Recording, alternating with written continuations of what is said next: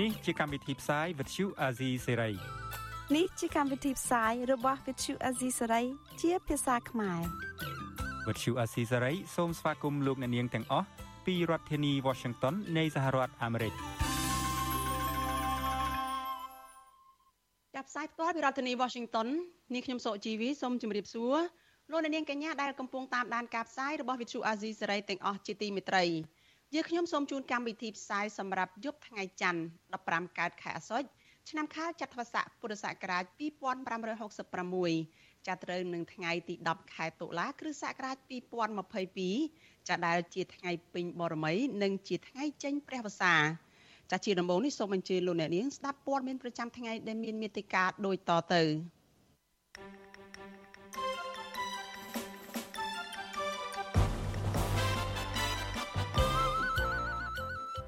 កម្ពុជានិយមប្រកាសចូលរួមក្រោមស្លាកបកខ្មែររួបរวมជាតិសម្រាប់ការបោះឆ្នោតជាតិឆ្នាំ2023ក្រមស្ត្រីថ្ងៃសុកត្រៀមបង្កើនសកម្មភាពតវ៉ាស្វែងរកយុត្តិធម៌ឲ្យគ្រួសារនៅមុនកិច្ចប្រជុំកំពូលអាស៊ាននៅខែវិច្ឆិកាខាងមុខបរដ្ឋនៅក្នុងតំបន់អង្គរមួយចំនួនបង្ខំចិត្តទទួលយកដំណោះស្រាយពីអាជ្ញាធរ ប្រជាសហគមន៍នៅខេត្តកោះកុងប្រពៃទិវាសិទ្ធិលំនៅឋានពិភពលោកលើកទី37រួមនឹងព័ត៌មានសំខាន់សំខាន់មួយចំនួនទៀតចាស់ជាបន្តទៅទៀតនេះនាងខ្ញុំសុជីវីសូមជូនព័ត៌មានទាំងនេះពិស្ដាចលនានាងកញ្ញាប្រិយមិត្តជាទីមេត្រីចាព័ត៌មានតកតងនឹងសំណុំរឿងនៅឯតុលាការបារាំងដែលប្តឹងលោកសំរងស៊ីពីបទបរិហាកេឯនោះវិញ។ ចាលោកសំរេស៊ីប្រធានស្ដីទីគណៈបកសង្គ្រោះជាតិថាលោកកំពុងរងចាំដំណឹងពីមេធាវីរបស់លោកជំវិញការប្រកាសសាលក្រមនៅតុលាការបារាំងនៅក្នុងសំណុំរឿងបរិហាកេប្តឹងដោយលោកហ៊ុនសែននិងកូនប្រសាគឺលោកឌីវិជាលោកសំរេស៊ីប្រាប់វិទ្យុអាស៊ីសេរីនៅមុនម៉ោងផ្សាយនេះបន្តិចថាសាលក្រមនឹងចេញនៅប៉ុន្មានម៉ោងដល់ខ្លីខាងមុខនេះតុលាការនៃប្រទេសបារាំងដែលមានមូលដ្ឋាននៅទីក្រុងប៉ារី បានបើកសវនកម្មរយៈពេល5ម៉ោងកាលពីថ្ងៃទី1ខែតុលាជំនុំជម្រះរឿងក្តីរវាងមេដឹកនាំនយោបាយកម្ពុជាទាំងពីរគឺលោកហ៊ុនសែននិងលោកសំរងស៊ីលោកហ៊ុនសែននិងកូនប្រសាគឺលោកឌីវិជា បានប្តឹងលោកសំរងស៊ីកាលពីថ្ងៃទី20ខែសីហាឆ្នាំ2019ទៅតុលាការប្រទេសបារាំងពីបទបរិហាកេ ចំពោះដែលលោកសំរងស៊ីចោទថា ជាអ្នករៀបចំ ចោទថាលោកហ៊ុនសែនគឺជាអ្នករៀបចំផែនការសម្រាប់អតីតមេប៉ូលីសក្រុងភ្នំពេញនិងជាដន្លងរបស់លោកផងនោះគឺលោកហុកឡង់ឌីចាសវនកម្មនៅពេលនោះលោកសំរងស៊ីបានឡើងទៅតតាំងក្តីនៅតុលាការដោយផ្ទាល់ជាមួយមេធាវីរបស់លោកចំណែកឯខាងភៀកគីដើមចោតគឺលោកហ៊ុនសែនវិញ បានបញ្ជូនមេធាវីតំណាង4រូបឲ្យទៅចូលតតាំងក្តីនោះ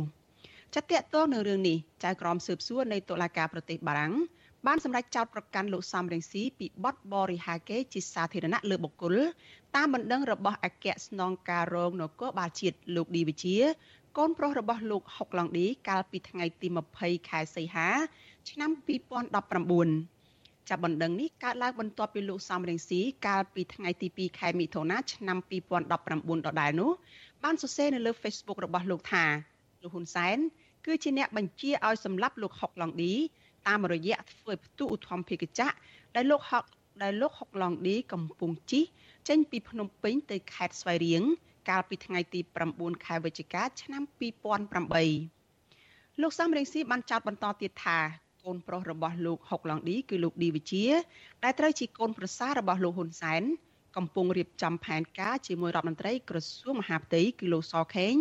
ដើម្បីរកវិធីសងសឹកលោកហ៊ុនសែនវិញតែទោះជាយ៉ាងណា លោកសំរងស៊ីប្រាប់តុលាការបារាំងថា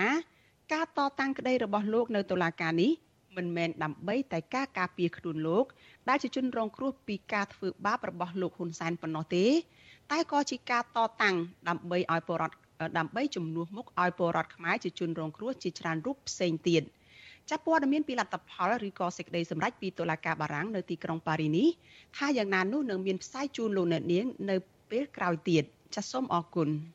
thank you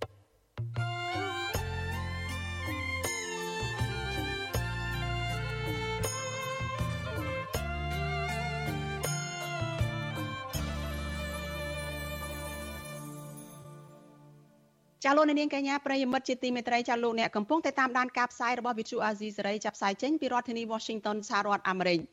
ចាព័ត៌មានតកតងនឹងគណៈបកនយោបាយនៅក្នុងស្រុកដែលកំពុងតែត្រៀមខ្លួនសម្រាប់ការបោះឆ្នោតជាតិនៅក្នុងឆ្នាំ2023វិញម្ដងចាគណៈបកផ្នែករួបរวมជាតិនិងគណៈបកកម្ពុជានិយមរួមគ្នាបង្កើតគោលនយោបាយថ្មីមួយដើម្បីត្រៀមខ្លួនចូលរួមការបោះឆ្នោតថ្នាក់ជាតិនៅក្នុងឆ្នាំ2023ខាងមុខ មន្ត្រីអង្គការសង្គមស៊ីវិលយល់ឃើញថាការរួបរวมគ្នារវាងគណៈបកទាំងពីរនេះទំនងជាមិនសូវទទួលបានការគាំទ្រពីប្រជាពលរដ្ឋឡើយចាលូទីនសការីយ៉ាមានសេចក្តីរាយការណ៍អំពីរឿងនេះគណៈបកខ្មែររូបរំជាតិរបស់លោកញឹកបញ្ឆៃនិងគណៈបកកម្ពុជានិយមរបស់លោកយ៉ែមពញ្ញរិទ្ធបានសម្រេចព្រមព្រៀងគ្នាលើ7ចំណុចក្នុងនោះគណៈបកទាំងពីរបានសម្រេចធ្វើការរួបរวมគ្នាទៅជាគណៈបកតែមួយនៅក្រៅការបោះឆ្នោតជាតិឆ្នាំ2023 ដោយបង្កើតគោលនយោបាយថ្មីនិងយកគណបករួមជាតិដើម្បីចូលរួមបោះឆ្នោតឆ្នាំ2023ការសម្រេចនេះធ្វើឡើងនៅក្នុងកិច្ចពិភាក្សាមួយរវាងថ្នាក់ដឹកនាំគណបកទាំងពីរនៅក្រុងភ្នំពេញនៅថ្ងៃទី10ដុល្លារដោយមានអ្នកចូលរួមជាង50នាក់ប្រធានគណបកកម្ពុជានិយមលោកយ៉ែមបញ្ញរិទ្ធបានថ្លែងនៅក្នុងសិនសិទ្ធសារព័ត៌មានថាមូលហេតុដែលគណបករបស់លោកបានរួបរวมជាមួយគណបកខ្មែររួមជាតិនិងមិនចូលរួមជាមួយគណបកភ្លើងទៀន ព្រោះលោកចង់បង្កើតពលនយោបាយប្រជាធិបតេយ្យសេរីថ្មីមួយដែលខុសពីពលនយោបាយគណៈបកកណ្ដាលអំណាចនិងពលនយោបាយគណៈបកភ្លឹងទៀនជាមួយគ្នានេះលោកយ៉ែមពេញរិទ្ធបដិសេធចំពោះការលើកឡើងថាគណៈបកកម្ពុជានិយមរបស់លោកចោះចូលជាមួយគណៈបកខ្មែររួមជាតិហើយលោកថាគណៈបកទាំងពីរនឹងធ្វើការផ្លាស់ប្ដូរឈ្មោះនិងបដូររូបសញ្ញានៅក្រៅការបោះឆ្នោតឆ្នាំ2023 ការបដូរឈ្មោះបដូររូបសញ្ញាវាពាក់ព័ន្ធជាមួយនឹងសមាជពាក់ព័ន្ធជាមួយនឹងជុំហាទីគឺពាក់ព័ន្ធច្រើនមែនទេហើយទាំងអស់នេះយើងជឿជាក់ថាយើងនឹងរៀបចំធ្វើនៅក្រោយការបោះឆ្នោតក៏ប៉ុន្តែរឿងដែលសំខាន់ដែលខ្ញុំចង់ជម្រាបជូនគោលដៅរបស់គណៈបកផ្នែករួមរួមជាតិនៅកម្ពុជានិយមដែលរួមរួមគ្នាថ្ងៃនេះបង្កើតពលនយោបាយប្រជាធិបតេយ្យសេរីថ្មីមួយនេះគឺ ក្នុងរយៈពេលខ្លីដែលយើងប្រើពាក្យថា2023ក៏ប៉ុន្តែជាគោលដៅមិនឈប់ត្រឹមប៉ុណ្្នឹងទេយើងត្រូវការរៀបចំគណៈបកប្រជាធិបតេយ្យសេរីមួយនៅកម្ពុជាមាននិរន្តរភាពឈានទៅដល់ការបោះឆ្នោត2027 2028វិញឆ្ងាយទៅមុខទៀតរីឯប្រធានគណៈបករួមរំជាតិលោកញឹកបញ្ឆៃបានថ្លែងថាមូលហេតុដែលគណៈបកទាំងពីរអាចរួបរวมគ្នាបានគឺដោយសារតែគណៈបកទាំងពីរមានគោលនយោបាយប្រហាក់ប្រហែលគ្នា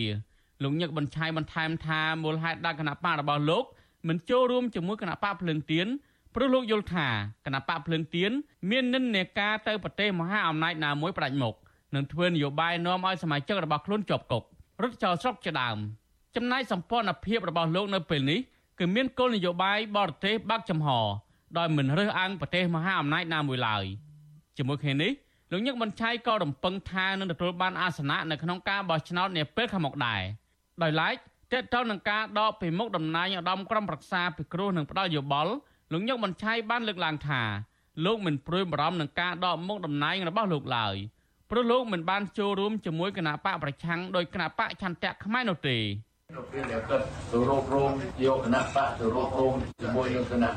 បកប្រឆាំងគឺមានបញ្ហាហើយបាទព្រោះគាត់មានទូនីតិទៅបាទទូនីតិទៅហើយគណៈបកទាំងមូលយកទៅចូលរួមជាមួយគណៈបកប្រឆាំងនោះរីឯខ្ញុំទៅខកពីនោះខកពីនោះខ្ញុំមានទូនីតិដូចគ្នាចឹងដែរគាត់ខ្ញុំមករករងជាមួយនឹងគណៈបកកម្ពុជានិយមនេះវាយើងមករករងគ្នាដើម្បីបង្កើតពលនយោបាយថ្មីមួយ មិនមែនជាបាក់ប្រឆាំងទេបាទមិនមែនបាក់ប្រឆាំងទេណាយ៉ាងហើយវាខុសគ្នាទៅនឹងទេតែខ្ញុំអត់ព្រួយបារម្ភជំវិញនឹងរឿងនេះអ្នកនាំពាក្យគណៈបកប្រជាជនកម្ពុជាលោកសុកអេសាន មានប្រសាសន៍ថាការដកតំណែងពីឧត្តមក្រុមប្រឹក្សាពិគ្រោះនឹងផ្ដាល់យោបល់គឺជាសិទ្ធិសម្រេចរបស់ថ្នាក់ដឹកនាំរដ្ឋាភិបាលទោះជាយ៉ាងណាលោកថាករណីរបស់លោកញឹកបញ្ឆៃខុសគ្នាពីករណីរបស់លោកកុងមុនីកាដែលបានទៅរួបរวมជាមួយគណៈបកប្រឆាំងដោយឡែក លោកសុងអេសានមិនចាប់អារម្មណ៍ជំវិញនឹងការរួបរวมគ្នារវាងគណៈបកខ្មែររួមជាតិនិងគណៈបកកម្ពុជានិយមនេះទេពីព្រោះគណៈបកទាំងពីរនេះមិនបានអាសនៈជាមេឃុំណាមួយឡើយកាលពីបោះឆ្នោតឃុំសង្កាត់កន្លងទៅហើយជាក់ស្ដែងក្នុងចំនួនគណៈបកដែលចូលរួមបោះឆ្នោតជ្រើសរើសក្រុមប្រឹក្សាឃុំសង្កាត់កន្លងទៅគណៈបកទាំងអស់នោះសិតគណៈបកដែលអត់បានកម្លេងឆ្នោតដោយឡែកនាយកប្រតិបត្តិអង្គការឃ្លាំមើលការបោះឆ្នោតនៅកម្ពុជាហៅកាត់ថា Netflix លោកសំគុណធីមី យល់ឃើញថាការរួបរวมគ្នាក្នុងគោលបំណងបង្កើតពលនយោបាយប្រជាធិបតេយ្យថ្មីនេះនឹងមិនអាចទទួលបានការគ្រប់គ្រងពីប្រជាពលរដ្ឋ ដើម្បីទទួលបានអាសនៈនៅពេលបោះឆ្នោតខាងមុខឡើយលោកសំគុណធីមីបន្ថែមថាដើម្បីទទួលបានការគាំទ្រពីប្រជាពលរដ្ឋគណៈបកទាំងពីរគួររួបរวมជាមួយគណៈបកភ្លឹងទៀនដែលជាគណៈបកទទួលបានការគាំទ្រសម្លេងទី2បន្ទាប់ពីគណៈបកកាន់អំណាចទើបជាការប្រសើរ លទ្ធផលនៃការបោះឆ្នោតឃុំសង្កាត់កាលពីឆ្នាំ2022កន្លងទៅគណៈបកខ្មែររួមជាតិដែលមានប្រភពពីគណៈបកហ្វឹសិនពេជ្រទទួលបានតំណែងជំទប់ទី1ចំនួន1នាក់និងជំទប់ទី2ចំនួន10នាក់ចំណែកឯគណៈបកកម្ពុជានិយមដែលមានប្រភពចេញពីគណៈបកសង្គ្រោះជាតិទទួលបានតំណែងជំទប់ទី2ត្រឹមតែ1នាក់ប៉ុណ្ណោះនិវិភាននយោបាយលើកឡើងថាវត្តមានគណៈបកនយោបាយក្រៅពីគណៈបកប្រឆាំងគ្រាន់តែជាយុទ្ធសាស្ត្ររបស់គណៈបកកណ្ដាលអំណាច ដើម្បីបំបែកសម្លេងគាំទ្ររបស់គណៈបកប្រឆាំងតែប៉ុណ្ណោះខ្ញុំទីនសាការីយ៉ាអសិលសេរីពីរដ្ឋធានី Washington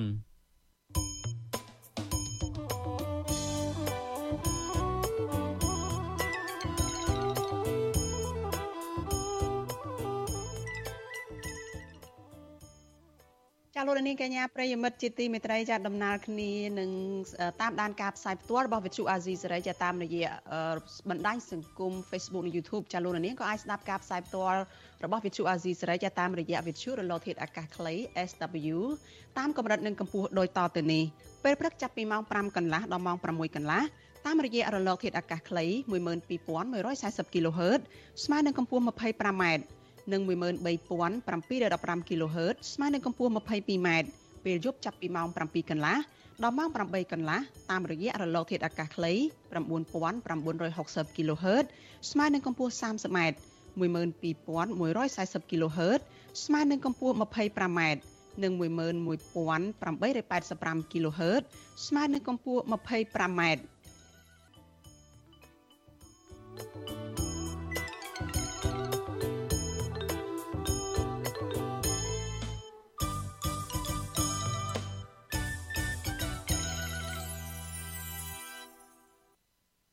ចាលោកនាងកញ្ញាប្រិយមិត្តជាទីមេត្រីចាតកតងនឹងការតវ៉ារបស់ក្រមស្ត្រីថ្ងៃសុកដែលសាច់ញាតិរបស់ពួកគាត់កំពុងតែជាប់ពន្ធនាគារវិញចាក្រមស្ត្រីថ្ងៃសុកប្រកាសធ្វើសកម្មភាពចេញតវ៉ានិងដាក់ញត្តិទៅស្ថានទូតនៃប្រទេសប្រជាធិបតេយ្យដោយសន្តិវិធីស្របពេលកម្ពុជាធ្វើជាម្ចាស់ផ្ទះរៀបចំកិច្ចប្រជុំកំពូលអាស៊ាននៅខែវិច្ឆិកាដើម្បីអំពាវនាវដល់រដ្ឋាភិបាលកម្ពុជាឲ្យស្ដារប្រជាធិបតេយ្យនិងគោរពសិទ្ធិមនុស្សព្រមទាំងដោះលែងអ្នកជាប់ ឃុំនយោបាយទាំងអស់ឲ្យមានសេរីភាពមកវិញមន្ត្រីជាន់ខ្ពស់រដ្ឋាភិបាលអះអាងថាកម្ពុជាបានអនុវត្តសិទ្ធិនយោបាយពេញលេញដោយមិនបានធ្វើទុកបុកម្នេញលើអ្នកនយោបាយណានោះទេប៉ុន្តែមន្ត្រីសិទ្ធិមនុស្សយល់ថាភាគីពាក់ព័ន្ធគួរតែចូលតុចរចាដើម្បីដោះស្រាយនយោបាយដោយពេលកន្លងទៅ ក្នុងន័យតម្កល់ផលប្រយោជន៍ជាតិជាសំខាន់ចាស់ពីរដ្ឋធានី Washington លោកមានរិទ្ធរាយការណ៍ព័ត៌មាននេះ ក្រោយផ្អាកការប្រមូលផ្ដុំគ្នាអស់ជាច្រើនសប្តាហ៍ដោយសារតែពិធីបុណ្យភ្ជុំបិណ្ឌនាពេលកន្លងមកនេះក្រមស្ត្រីថ្ងៃសុកបានប្រកាសធ្វើសកម្មភាពដោយបង្កើនការចេញតវ៉ានិងដាក់ញត្តិនៅតាមស្ថានទូតប្រទេសប្រជាធិបតេយ្យបន្ថែមទៀតពួកគេសង្ឃឹមថាមេដឹកនាំនៃប្រទេសប្រជាធិបតេយ្យធំធំជាពិសេសប្រធានាធិបតីអាមេរិកលោក Joe Biden នឹងជួយអន្តរាគមន៍ទៅរដ្ឋាភិបាលលោកនាយរដ្ឋមន្ត្រីហ៊ុនសែន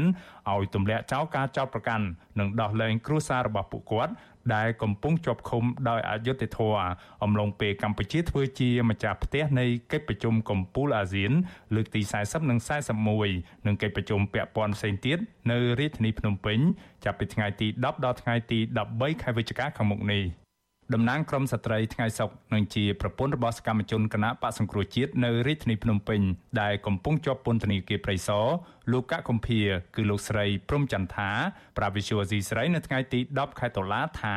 ការចេញតវ៉ានិងការដាក់ញត្តិលើកនេះគឺមានសារៈសំខាន់សម្រាប់ប្រជាពលរដ្ឋខ្មែរជាពិសេសអ្នកដែលរងនៅភាពអយុត្តិធម៌នៅក្នុងសង្គម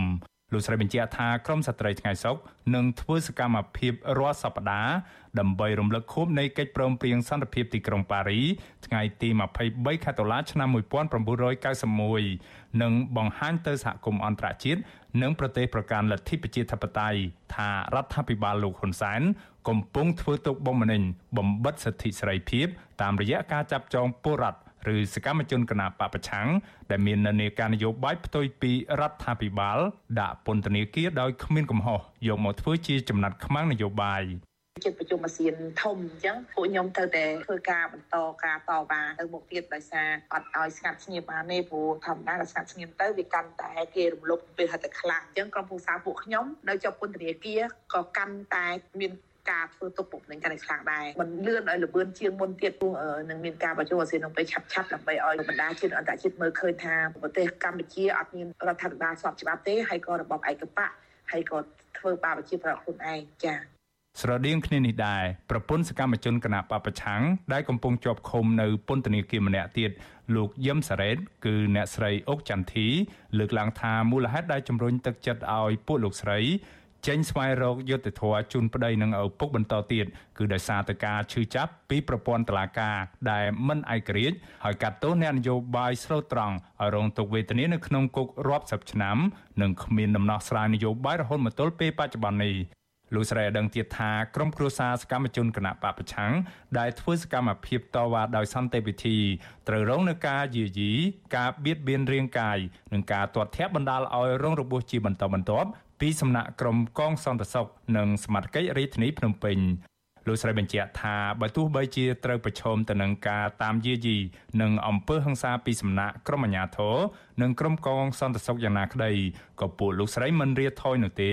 នៅក្នុងការធ្វើសកម្មភាពជួយរកយុត្តិធម៌ដល់ក្រុមគ្រួសារអ្នកកំពុងជាប់ឃុំ បើអ្នកនយោបាយនៅតែជាប់ឃុំទាំងអយុធធរនឹងមិនមែនជាលទ្ធិជាតបតៃទេអញ្ចឹងបានខ្ញុំទទូចឲ្យទទូចទៀតសូមឲ្យរាជរដ្ឋាភិបាលនិងតុលាការទម្លាក់រាល់ការចោទប្រកាន់ទាំងអស់មកលើសកម្មជននយោបាយទាំងសិទ្ធិមនុស្សអីដែលជាប់ឃុំនឹងឲ្យដោះលែងគាត់មានសិទ្ធិសេរីភាពឡើងវិញទៅដើម្បីមុខមាត់ដល់ប្រទេសកម្ពុជាយើងទេ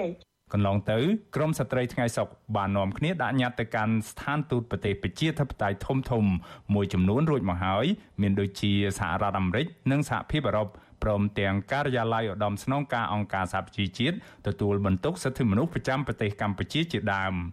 ឆ្លើយតបនឹងរឿងនេះអ្នកនាំពាក្យរដ្ឋាភិបាលលោកផៃស៊ីផានថ្លែងថាការលើកឡើងរបស់ក្រុមគ្រួសារអ្នកជាប់ឃុំដែលចោទប្រកាន់រដ្ឋាភិបាល ថាធ្វើទុកបុកម្នេញទៅលើក្រុមគ្រួសារពួកគេ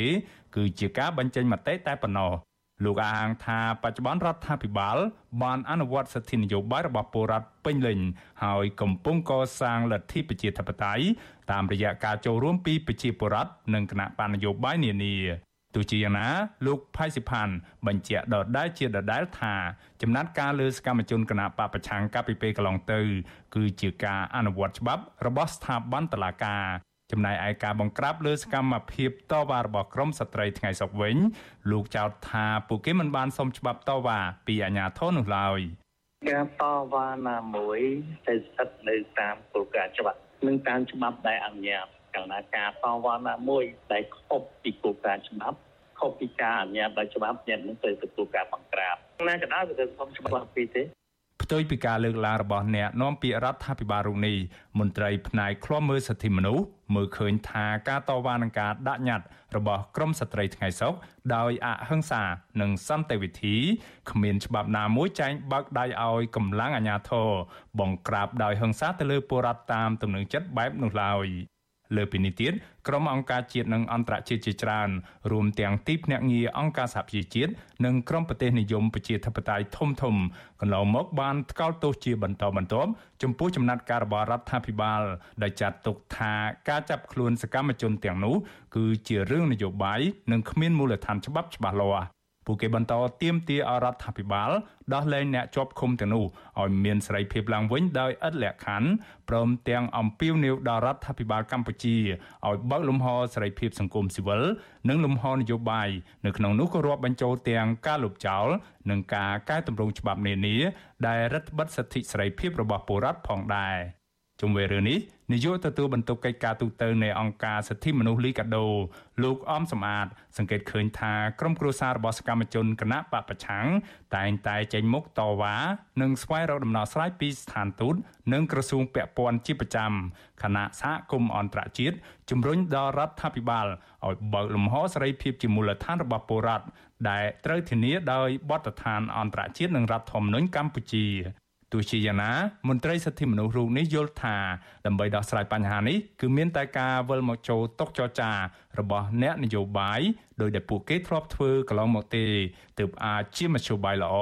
ដើម្បីផ្ដល់ផលប្រយោជន៍ដល់ជាតិនិងដោះលែងសកម្មជនទាំងនោះឲ្យមានសេរីភាពឡើងវិញ។ ខ្ញុំយល់ថាការរំពឹងរបស់គាត់ហ្នឹងវាជារឿងមួយហើយតែគាត់យល់ឃើញណាប៉ុន្តែគ្រាន់តែជាបទពិសោធន៍កន្លងមករបស់កម្ពុជាអញ្ចឹងអ្វីដែលសំខាន់គឺខ្ញុំមើលឃើញតែមួយគឺការចរចានិងការបន្តរបបធម៌សន្តិនិកដើម្បី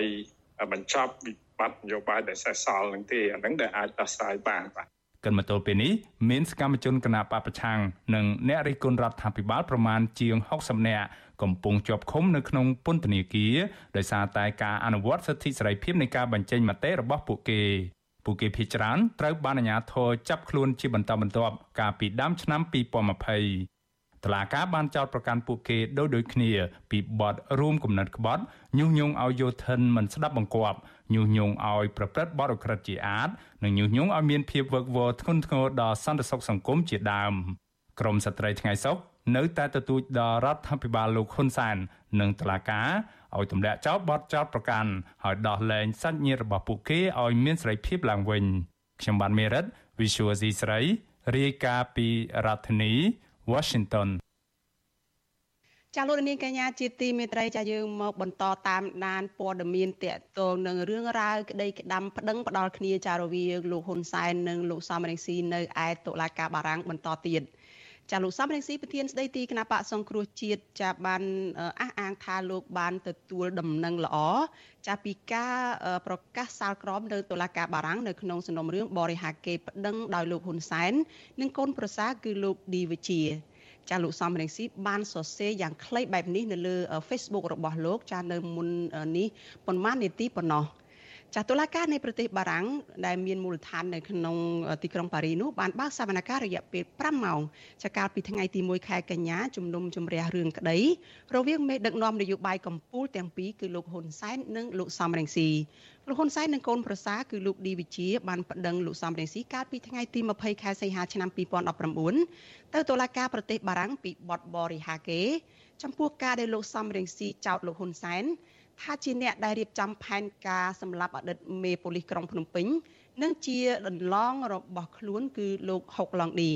សវនកម្មនៅពេលនោះលោកសំរងស៊ីបានឡើងទៅតតាំងក្តីដោយខ្លួនឯងផ្ទាល់ជាមួយនឹងមេធាវីរបស់លោកចាស់ចំណែកឯភាគីដើមមិនដឹងគឺលោកហ៊ុនសែនវិញបានបញ្ជូនមេធាវីតំណាង4រូបឲ្យទៅចូលតតាំងក្តីរឿងនេះចាស់តាក់ទងនឹងរឿងនេះ ចៅក្រមស៊ើបសួរនៃតុលាការប្រទេសបារាំងនោះបានសម្រេចចោទប្រកាន់លោកសំរងស៊ីពីបទបរិហាកេជាសាធារណៈលើបុគ្គល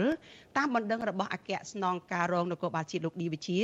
ជាកូនប្រុសរបស់លោកហុកឡុងឌីកាលពីថ្ងៃទី20ខែសីហាឆ្នាំ2019បណ្ដឹងនេះកើតមានឡើងបន្ទាប់ពីលោកសំរងស៊ីកាលពីថ្ងៃទី2ខែមិថុនាឆ្នាំ2019ដដែលនោះបានសរសេរនៅលើ Facebook របស់លោកថាលោកហ៊ុនសែនគឺជាអ្នកបញ្ជាឲ្យសម្លាប់លោកហុកឡុងឌី តាមរយៈធ្វើផ្ទុះឧទ្ធម្ភាគចក្រដែលលោកហុកឡង់ឌីកំពុងជិះពីភ្នំពេញទៅខេត្តស្វាយរៀងកាលពីថ្ងៃទី9ខែវិច្ឆិកាឆ្នាំ2008លោកសំរងស៊ីបានចោទបន្តទៀតថាកូនប្រុសរបស់លោកហុកឡង់ឌីគឺលោកឌីវិជាដែលត្រូវជាកូនប្រសាររបស់លោកហ៊ុនសែនដែរនោះកំពុងរៀបចំផែនការជាមួយរដ្ឋមន្ត្រីក្រសួងមហាផ្ទៃលោកសខេងដើម្បីរកវិធីសងសឹកលោកហ៊ុនសែន។ តែទោះជាយ៉ាងណាលោកសំរេស៊ីប្រាប់តុលាការបារាំងថាការតតាំងក្តីរបស់លោកនៅតុលាការនេះមិនមែនដើម្បីតែការពារខ្លួនលោកដែលជាជនរងគ្រោះពីការធ្វើបាបរបស់លោកហ៊ុនសែនប៉ុណ្ណោះទេតែគឺជាការតតាំងក្តីដើម្បីប្រជាពលរដ្ឋខ្មែរជាជនរងគ្រោះជាច្រើនរូបផ្សេងទៀត ចាព័ត៌មានពីលទ្ធផល ដែលលោកសំរងស៊ីបានសរសេរនៅលើ Facebook យ៉ាងខ្លីថាលោកបានទទួលព័ត៌មានឬក៏ដំណឹងល្អពីតុលាការនៃប្រទេសបារាំងនេះចានឹងមានផ្សាយជូនលោកអ្នកនាងជាបន្តបន្ទាប់ទៅទៀតចាសូមអរគុណ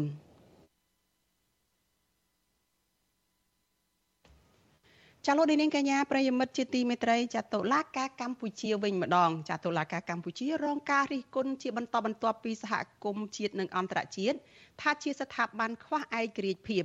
និងមានភាពលំអៀងខាងនយោបាយចាសំណុំរឿងជាច្រើនត្រូវបានដំណើរការនិងសម្រេចក្តីដោយមិនបានឈរទៅលើអង្គហេតុនិងអង្គច្បាប់ត្រឹមត្រូវឡើយជាពិសេសសំណុំរឿងដែលមានចរិតនយោបាយដូចជាការរំលាយគណៈបកសង្គ្រោះជាតិព្រមទាំងការដាក់ទោសអ្នកនយោបាយ សមាជិកសង្គមស៊ីវិលនិងក្រុមសកម្មជនជាដើមចាក្រុមអ្នកសង្កេតការរាយតម្លៃថាមូលហេតុចម្បងនៃនៃកង្វះឯករាជ្យភាពរបស់មន្ត្រីតុលាការនេះក៏ដោយសារតែតុលាការមន្ត្រីតុលាការភាគច្រើនការជាជាសមាជិកគណៈបកកាន់អំណាចក៏ប៉ុន្តែតំណាងក្រសួងយុតិធធបានបកស្រាយផ្ទុយពីនេះថាការដែលមន្ត្រីតុលាការជាសមាជិកគណៈបកនយោបាយនេះគឺជាការលើកស្ទួយសិទ្ធិនយោបាយទៅវិញទេ ចតាសមាជិកភាពរបស់មន្ត្រីតុលាការនៅក្នុងគណៈបកនយោបាយនេះជាការលើកស្ទួយសិទ្ធិនយោបាយឬជាការដែលធ្វើឲ្យតុលាការកាន់តែបាត់បង់ឯករាជ្យភាពរបស់ខ្លួនទៅវិញទេចាសសូមអញ្ជើញលោកអ្នកនាងរងចាំទស្សនាឬក៏ស្ដាប់វេទិកាដែលស្ដាប់វិទ្យុអាស៊ីសេរីអំពីរឿងនេះនៅក្នុងការផ្សាយរបស់យើងនៅយប់ថ្ងៃអង្គារទី11ខែតុលាស្អែកនេះកុំបីខានចាលោកអ្នកនាងអាចចូលរួមបញ្ចេញមតិយោបល់ឬសាកសួរវាគ្មិន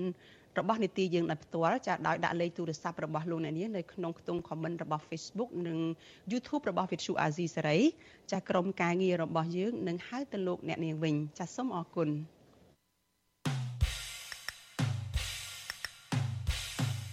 នេតិខ្មែរកម្ពុជាក្រោម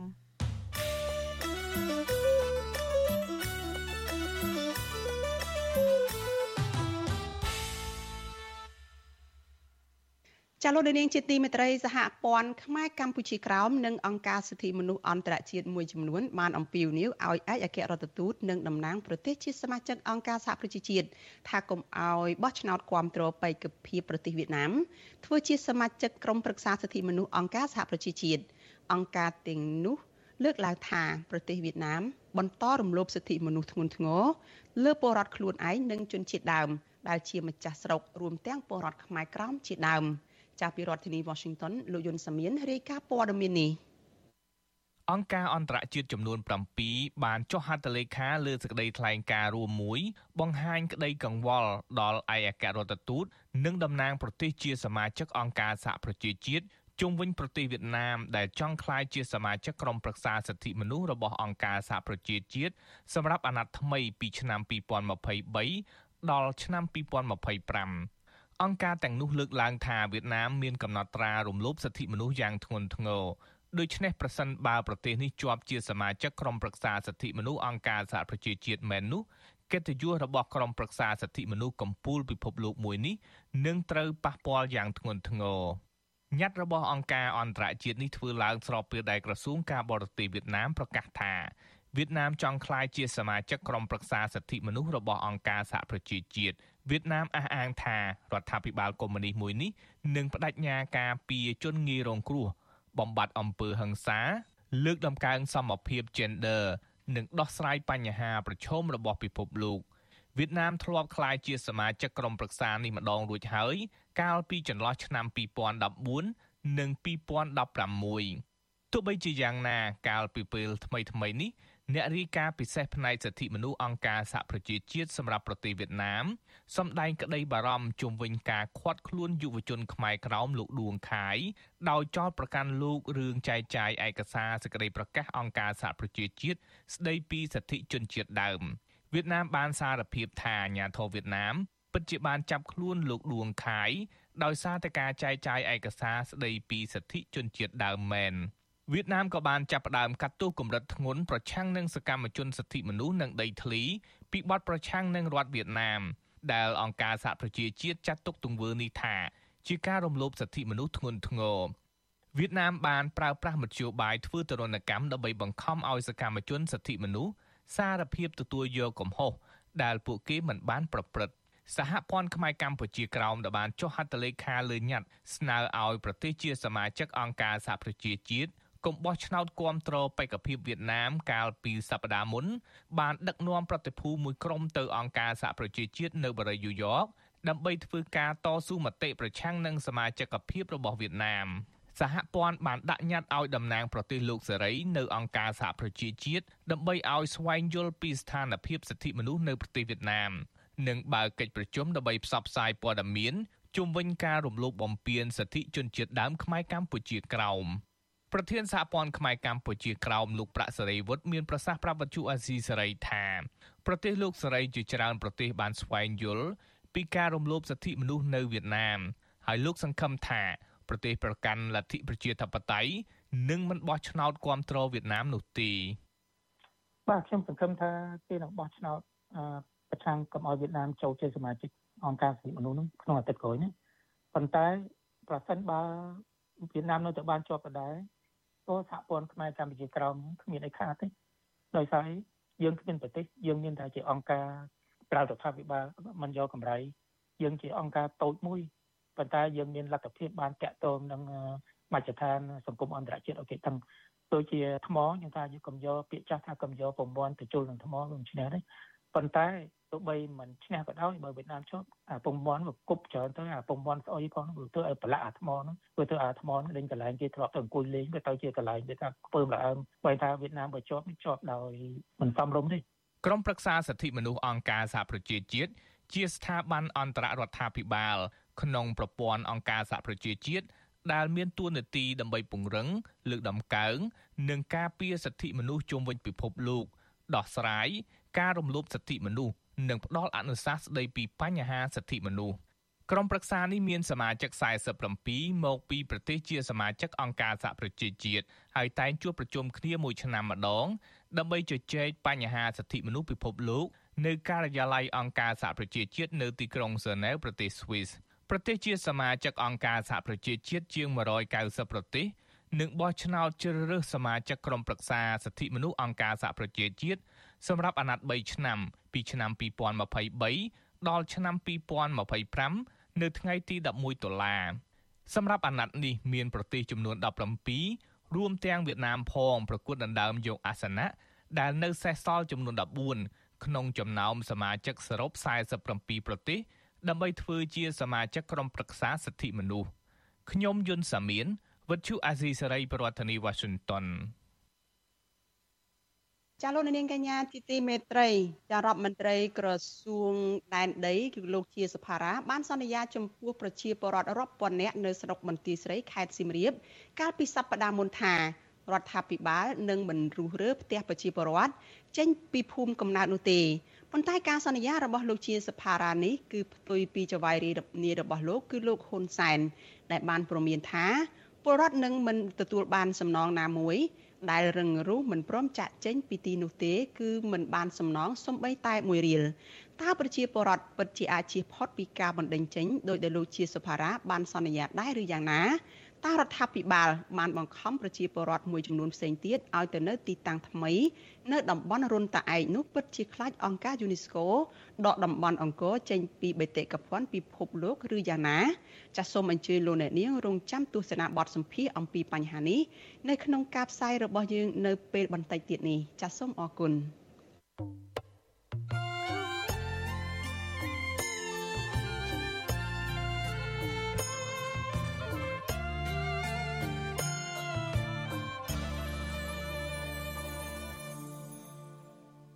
ចាលោកនាងកញ្ញាជាទីមេត្រីចាយើងងាកទៅរឿងដីធ្លីនៅឯខេត្តកោះកុងឯនោះវិញចាប្រជាសហគមន៍រងគ្រោះដីធ្លីចំនួន4សហគមន៍នៅខេត្តកោះកុងដែលមានចំនួនជិត400នាក់នៅព្រឹកថ្ងៃទី10ខែតុលានេះបានប្រមូលផ្ដុំគ្នាប្រពៃទិវាសិទ្ធិលំនៅឋានដើម្បីជំរុញដល់រដ្ឋាភិបាល និងអាជ្ញាធរពាក់ព័ន្ធឲ្យពន្យាការដោះស្រាយដីធ្លី និងទម្លាក់ចោលបទចោទលើតំណាងសហគមន៍ទាំងអស់ ចាសសង្គមស៊ីវិលយល់ឃើញថារដ្ឋាភិបាលគួរតែពន្លឿនដោះស្រាយបញ្ហាចំនួនដីធ្លីរបស់សហគមន៍នេះដើម្បីឲ្យពួកគាត់មានលំនៅឋានច្បាស់លាស់និងមានដីបង្កបង្កើនផលរកប្រាក់ចំណូលដោះស្រាយជីវភាពចាក្រមប្រជាសហគមន៍មានចំនួនដីធ្លីទាំង4សហគមន៍នេះបានរៀបចំទិវាសិទ្ធិលំនៅឋានលើកទី37នៅឯឃុំដងពេញស្រុកស្រែអំបិលចាតំណាងសហគមន៍លើកឡើងថា ការប្រារព្ធពិធីនេះឡើងដើម្បីជំរុញរដ្ឋាភិបាលដោះស្រាយបញ្ហាចំនួនដីធ្លីរបស់ពលរដ្ឋនៅក្នុងសហគមន៍ផ្ដល់ដីសម្បត្តិសេដ្ឋកិច្ចសង្គមគិច្ចដល់ពលរដ្ឋទីទាល់ក្រ និងទម្លាក់ចោលបទចោទលើតំណាងសហគមន៍ទាំង32នាក់ដែលកំពុងជាប់បណ្ដឹងនៅតុលាការតំណាងសហគមន៍197គ្រួសារអ្នកស្រីដេតហួរប្រាប់វិទ្យុអាស៊ីសេរីនៅថ្ងៃទី10ខែតុលាថា ការប្រារព្ធពិធីនេះមានគោលបំណងចង់ឲ្យអាជ្ញាធរ យកចិត្តទុកដាក់ដោះស្រាយចំនួនដីធ្លីជូនពួកគាត់ឲ្យបានឆាប់អ្នកស្រីបន្តថាតំណាងសហគមន៍និងប្រជាសហគមន៍តាមភូមិ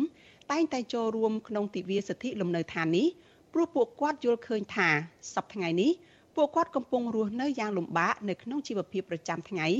ដោយគ្មានដីបង្កបង្កើនផលដូចពេលមុនអ្នកស្រីអះអាងថាសហគមន៍តែងតែចំណាយពេលវេលា ទៅធ្វើចេញដំណើរតវ៉ា រកដំណោះស្រាយវិវាទដីធ្លីដោយគ្មានពេលគ្រប់គ្រាន់នៅក្នុងការប្រកបរបរអ្វីឡើយដើម្បីជួយទៅដល់គ្រួសារនោះអ្នកស្រីដេតហួរបញ្ជាក់ថាសហគមន៍បានប្រពៃទិវាសិទ្ធិលំនៅឋាននេះ2ឆ្នាំជាប់ជាប់គ្នាដែលមានប្រជាសហគមន៍ចំនួន4សហគមន៍មកចូលរួម ដែលក្នុងនោះរួមមាន សហគមន៍766គ្រួសារសហគមន៍175គ្រួសារសហគមន៍197គ្រួសារ និងសហគមន៍និងសហគមន៍នៅភូមិប្រលៀន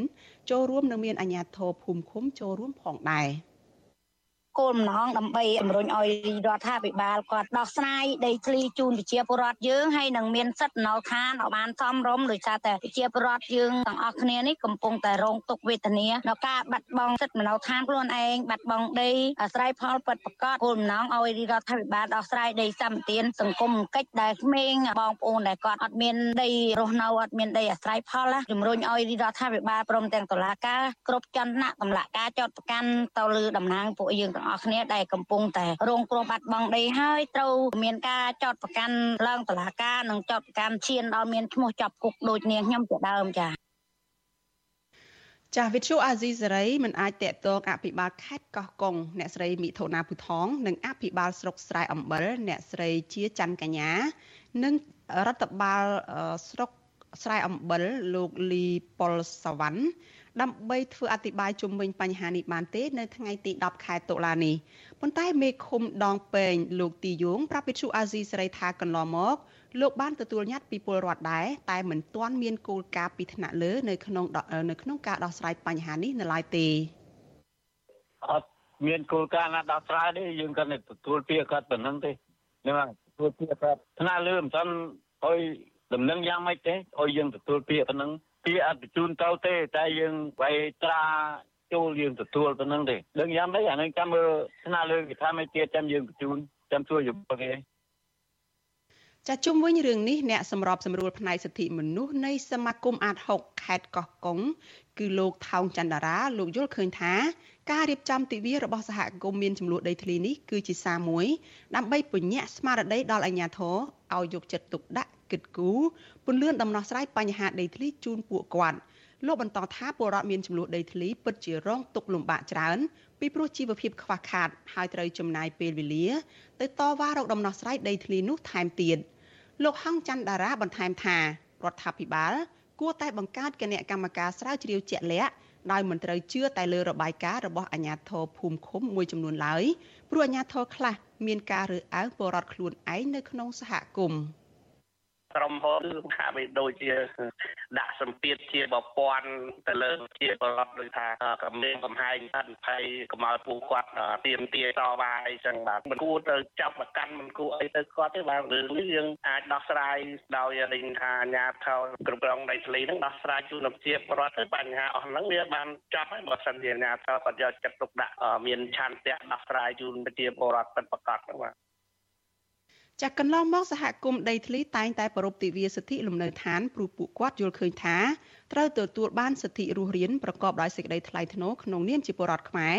ដែលស្របទៅនឹងរដ្ឋធម្មនុញ្ញកម្ពុជាចំណែកតំណាងសហគមន៍រងគ្រោះដីធ្លីភៀកច្រើនតែងតែត្រូវបុគ្គលដែលមានលុយនិងមានអំណាចរំលោភយកដីហើយប្រើប្រាស់ប្រព័ន្ធតុលាការដើម្បីគៀបសង្កត់ដាក់សពាតភៀកគូភៀកគីដោយមានការខົບខិត ពីមន្ត្រីពុករលួយមួយចំនួនដែលធ្វើឲ្យពលរដ្ឋមានចំនួនដីធ្លីកាន់តែកើនឡើងជាបន្តបន្ទាប់ចាស់សង្គមស៊ីវិលយល់ឃើញថាពលរដ្ឋត្រូវតែទទួលបាននូវសិទ្ធិរស់រានរបស់ពួកគាត់ដោយស្របទៅតាមច្បាប់ហើយរដ្ឋាភិបាលគួរតែពន្យាការដោះស្រាយបញ្ចប់បញ្ហាដីធ្លីជូនពលរដ្ឋទាំងនោះ។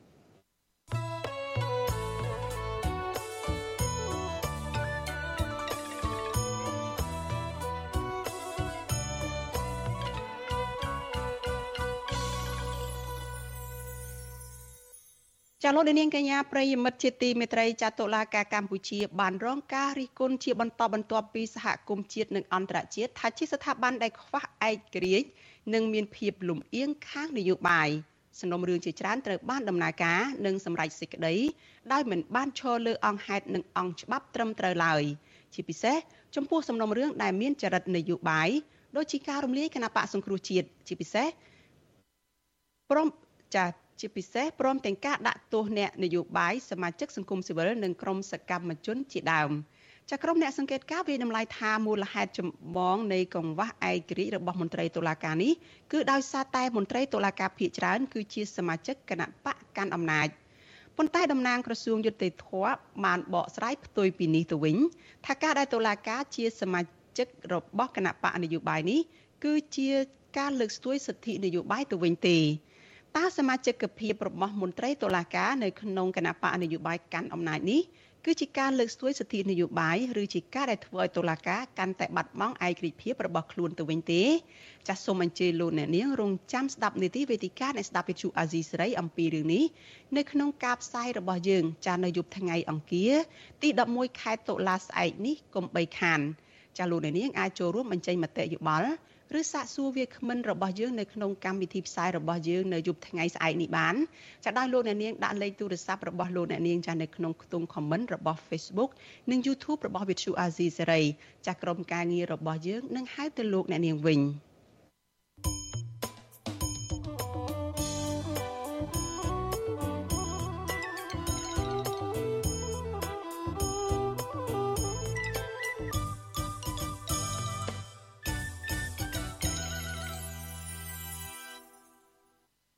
ចាលោកនាងកញ្ញាជាទីមេត្រីចារដ្ឋមន្ត្រីក្រសួងដែនដីលោកជាសភារា បានសន្យានៅចំពោះមុខប្រជាពលរដ្ឋរាប់ពាន់នាក់នៅស្រុកបន្ទាយស្រីខេត្តសៀមរាប កាលពីសប្តាហ៍មុនថារដ្ឋាភិបាលនឹងមិនរុះរើផ្ទះប្រជាពលរដ្ឋចេញពីភូមិកំណើតនោះទេប៉ុន្តែការសន្យារបស់លោកជាសភារានេះគឺផ្ទុយពីចៅហ្វាយនេះរបស់លោកគឺលោកហ៊ុនសែនដែលបានប្រមានថាចាប់នឹងមិន ផ្ដល់សំណងជូនពលរដ្ឋណាដែលរឹងទទឹងមិនព្រមចាក់ចេញនោះទេ គឺមិនផ្ដល់សំណងសំបីតែមួយរៀលតើប្រជាពលរដ្ឋពិតជាអាចជៀសផុតពីការបណ្តេញចេញដោយដែលលោកជាសុផារ៉ាបានសន្យានេះដែរឬយ៉ាងណាតើរដ្ឋាភិបាល បានបង្ខំប្រជាពលរដ្ឋមួយចំនួនឲ្យចេញទៅទីតាំងលំនៅថ្មី នៅតំបន់រុនតាឯកនោះ ពិតជាខ្លាចអង្គការ UNESCO ដកអង្គរចេញពីបេតិកភណ្ឌពិភពលោកមែនឬយ៉ាងណាចាសសូមអញ្ជើញលោកអ្នកនាងរងចាំតាមដានបទសម្ភាសន៍នេះនៅក្នុងការផ្សាយរបស់យើងនៅពេលបន្តិចទៀតនេះ។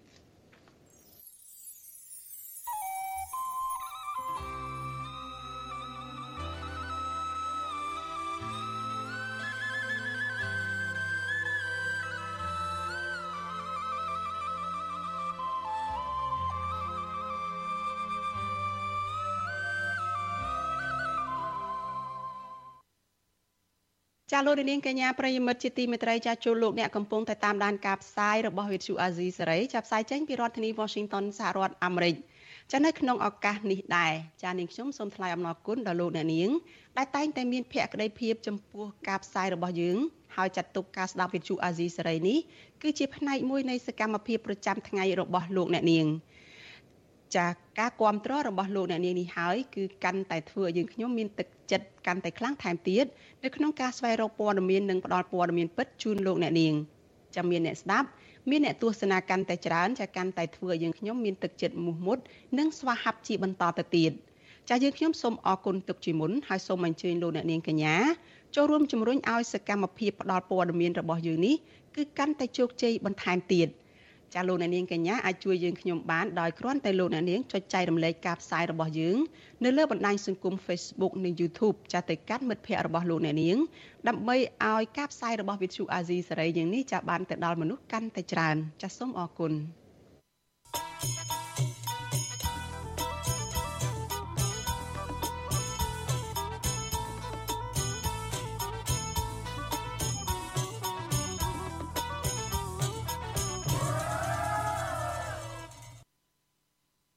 ចាលោកនាងកញ្ញាប្រិយមិត្តជាទីមេត្រីចាព័ត៌មានដាច់ដោយឡែកមួយទៀតចាសង្គមស៊ីវិលនិងគណៈបកនយោបាយចង់ឲ្យរដ្ឋាភិបាល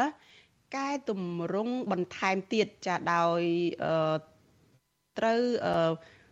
ចំពោះសកម្មភាពអសកម្មរបស់មន្ត្រីក្រសួងមួយចំនួនទៀតរបស់រដ្ឋាភិបាល ដោយមិនគួរធ្វើតែទៅលើក្រសួងកសិកម្មមួយនោះទេចាការស្នើនេះគឺធ្វើឡើងបន្ទាប់ពីព្រះមហាក្សត្របានសម្រេច ដកតំណែងរបស់លោកវែងសុខុនពីរដ្ឋមន្ត្រីក្រសួងកសិកម្មរុក្ខាប្រមាញ់និងនេសាទកាលពីថ្ងៃទី8ខែតុលាកន្លងទៅចាសសូមស្ដាប់សេចក្តីរាយការណ៍របស់លោកសេកបណ្ឌិតអំពីរឿងនេះមន្ត្រីសង្គមស៊ីវិលនិងគណៈបកនយោបាយមួយចំនួនមិនជំទាស់ទៅនឹងការដកតំណែងលោកវិញសខុនរដ្ឋមន្ត្រីក្រសួងកសិកម្មនោះទេក៏ប៉ុន្តែពួកគេចង់ឃើញរដ្ឋាភិបាលធ្វើបែបនេះទៅលើមន្ត្រីជាន់ខ្ពស់នៅតាមបណ្ដាក្រសួងដទៃទៀតដែលអសកម្ម ឬមិនធ្វើការឆ្លើយតបទៅនឹងតម្រូវការចាំបាច់របស់ប្រជាពលរដ្ឋនិងសង្គមជាតិទាំងមូលនោះប្រធានសមាគមសម្ព័ន្ធសហគមន៍កសិករកម្ពុជាហៅកាត់ថា CCFC លោកថេងសាវឿនមានប្រសាសន៍ថាលោកមិនភ្ញាក់ផ្អើលអ្វីឡើយចំពោះរឿងដកតំណែងរដ្ឋមន្ត្រីក្រសួងកសិកម្មលោកវេងសខុនព្រោះលោកមើលឃើញថាសមត្ថភាពនៃការគ្រប់គ្រងនិងភាពសកម្មចំពោះកិច្ចការអភិវឌ្ឍលើវិស័យកសិកម្ម ការប្រស័យតាក់ទងជាមួយនឹងប្រជាពលរដ្ឋកសិករការឆ្លើយតបចំពោះតម្រូវការចាំបាច់របស់កសិករសម្រាប់រដ្ឋមន្ត្រីរូបនេះហាក់នៅមានកម្រិតនៅឡើយលោកបន្តថាលោកវែងសខុនធ្លាប់ត្រូវបានលោកនាយករដ្ឋមន្ត្រីហ៊ុនសែនព្រមានជាសាធារណៈជារឿយៗរួចមកហើយចំពោះភាពអសកម្មទាំងនេះវាគូផ្សំទៅនឹងប្រជាពលរដ្ឋមួយចំនួនជួបប្រឈមទៅនឹងបញ្ហាទីផ្សារហើយនឹង ជួបប្រឈមខ្លាំងទៅលើបញ្ហាកសិកម្មតែម្ដងខ្វះទីផ្សារហើយកន្លែងខ្លះរងគ្រោះនៅគ្រោះទឹកចំនួនអីចឹងហ្នឹងมันមានអ្នកជួយចាត់ចែងក្នុងការផ្ដល់ពូជក្នុងការផ្ដល់បច្ចេកទេសគ្រប់គ្រងអីផ្សេងផ្សេងអញ្ចឹងបង្ហាញអំពីទំនួលខុសត្រូវនឹងការងារខុសត្រូវរបស់អាជ្ញាធរពិសេសគឺ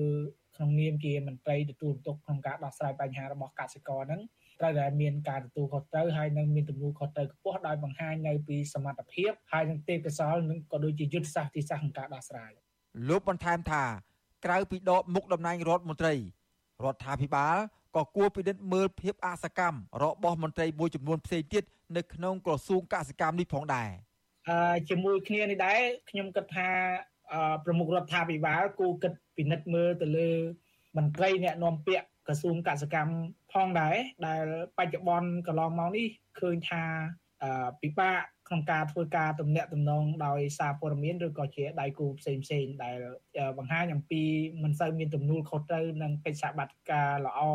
ក្នុងការឆ្លើយតបនៅពេលដែលប្រជាពលរដ្ឋក៏ដូចជាកសិករជួបនៅប្រឈមនឹងបញ្ហាតាក់ទងទៅនឹងផលប៉ះពាល់នៃវិបត្តិវិស័យកសិកម្មក្នុងប្រទេសកម្ពុជានោះទេបាទ មតិខ្លះទៀតបានដាក់ការសង្ស័យថាការដកដំណែងនៅពេលនេះអាចមកពីលោកនាយករដ្ឋមន្ត្រីហ៊ុនសែនមិនសប្បាយចិត្តនៅពេលប្រទេសកំពុងជួបនឹងគ្រោះទឹកជំនន់ដែលធ្វើឲ្យប៉ះពាល់ធ្ងន់ធ្ងរដល់វិស័យកសិកម្មតែបែរជាអវត្តមានរដ្ឋមន្ត្រីក្រសួងកសិកម្មមិនមានមុខនៅក្នុងប្រទេសដឹកនាំជួយដោះស្រាយបញ្ហានេះទៅវិញចំណែកលោកបណ្ឌិតយ៉ងសាកូម៉ាអ្នកជំនាញខាងកសិកម្ម និងជាមន្ត្រីជាន់ខ្ពស់នៃគណៈបកប្រជាធិបតេយ្យមូលដ្ឋានហៅកាត់ថា GDP ក៏មិនមានមតិរិះគន់ចំពោះការដកតំណែងនេះដែរក៏ប៉ុន្តែលោកថារដ្ឋាភិបាលក៏គួរតែពិនិត្យមើលពីភាពអសកម្មរបស់រដ្ឋមន្ត្រីឬមន្ត្រីនៅតាមក្រសួងផ្សេងផ្សេងទៀតផងដែរលោកបណ្ឌិតយ៉ងសង្គមាក៏មើលឃើញដែរថារដ្ឋមន្ត្រីក្រសួងកសិកម្មហាក់ពិបាកប្រស័យតាក់ទងគ្នា និងសហការជាមួយនឹងដៃគូពាក់ព័ន្ធ ទាំងគណៈបកនយោបាយនិងអង្គការសង្គមស៊ីវិលដែលធ្វើការនៅក្នុងវិស័យកសិកម្មនេះជាដើមបាទវាវាឆ្លងបញ្ចាំងឋានភាពជាក់ស្ដែងហើយមិនមែនថាយើងនិយាយថាមិនក្រសួងកសិកម្មទេវាក្រសួងផ្សេងផ្សេងមិនខុសគ្នាមកដែរហ្នឹងគ្រាន់តែក្រសួងកសិកម្មហ្នឹងវាជាក្រសួងមួយបើយើងគិតទៅក្នុងបរិបទកម្ពុជាវាសំខាន់មែនទែនណាទីមួយវាតកតងរឿងជីវភាពមនុស្សភាគច្រើនហើយនឹងតកតងនឹងសេដ្ឋកិច្ចតកតងអីហ្នឹងមកប៉ុន្តែកន្លងមកកាលពីខ្ញុំនៅ អ្នកដឹកនាំអង្គការសង្គមស៊ីវិលយើងធ្លាប់មានទំនាក់ទំនងច្រើនហើយជាមួយរដ្ឋមន្ត្រីក្រសួងកសិកម្មមុនមុនណាបាទប៉ុន្តែតាំងពីលោកវិញខុនឡើងពីរដ្ឋមន្ត្រីក្រសួងកសិកម្មនោះគឺការទំនាក់ទំនងផ្ទាល់ចែកឲ្យជុំវិញបញ្ហាកសិកម្មនោះវាអត់មានទេបាទលោកបន្តថាចំពោះការងារដឹកនាំលើវិស័យកសិកម្មផ្ទាល់ក៏មានជួបបញ្ហាជាច្រើន ដែលធ្វើឲ្យពលរដ្ឋមិនសប្បាយចិត្តជាពិសេសលោកនាយករដ្ឋមន្ត្រីផ្ទាល់តែម្ដង វិទ្យុអាស៊ីសេរីនៅពុំទាន់អាចតតងលោកវែងសខុនអតីតរដ្ឋមន្ត្រីក្រសួងកសិកម្មដើម្បីសូមការបកស្រាយបញ្ជាក់អំពីបញ្ហានេះបាននៅឡើយទេកាលពីយប់ថ្ងៃទី8ខែតុលា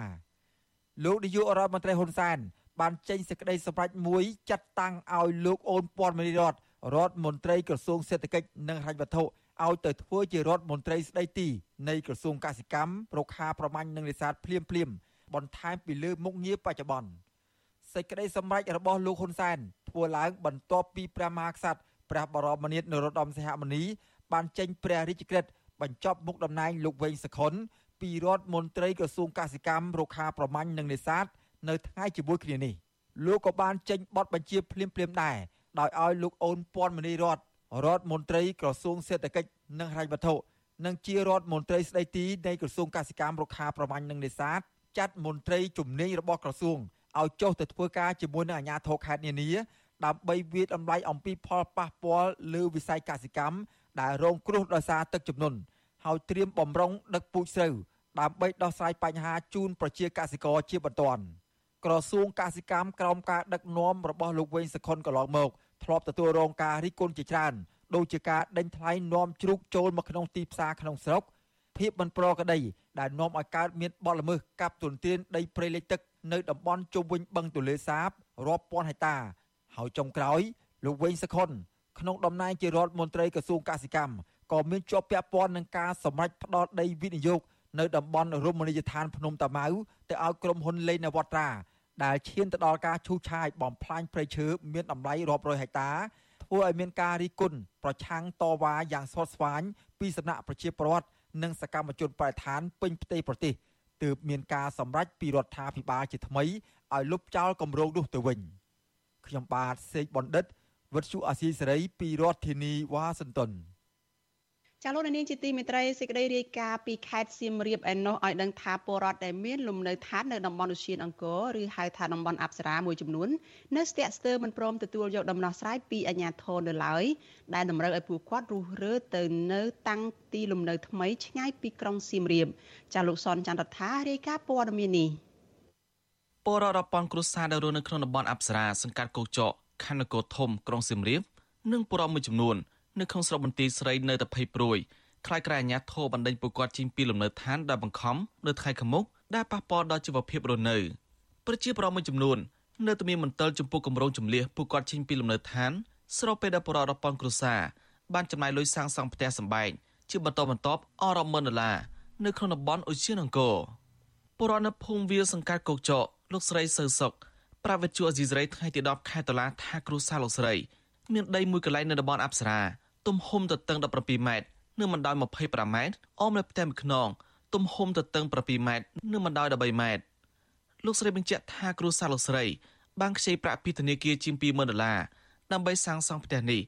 ហើយត្រូវបង់រំលោភប្រចាំខែជិត200ដុល្លារប្រសិនបើត្រូវបដូរទីលំនៅថ្មីនឹងធ្វើឲ្យគ្រួសារលោកស្រីខាតបង់ច្រើន ទាំងពេលវេលាធនធានហើយត្រូវរើរើផ្ទះដោយបង្ខំចិត្ត លោកស្រីថាអាញាធរបានសន្យាថាផ្ដល់ដីសម្រាប់ដោះដូរប៉ុន្តែលោកស្រីមិនទាន់បានឃើញដីជាក់ស្ដែងនៅឡើយទេ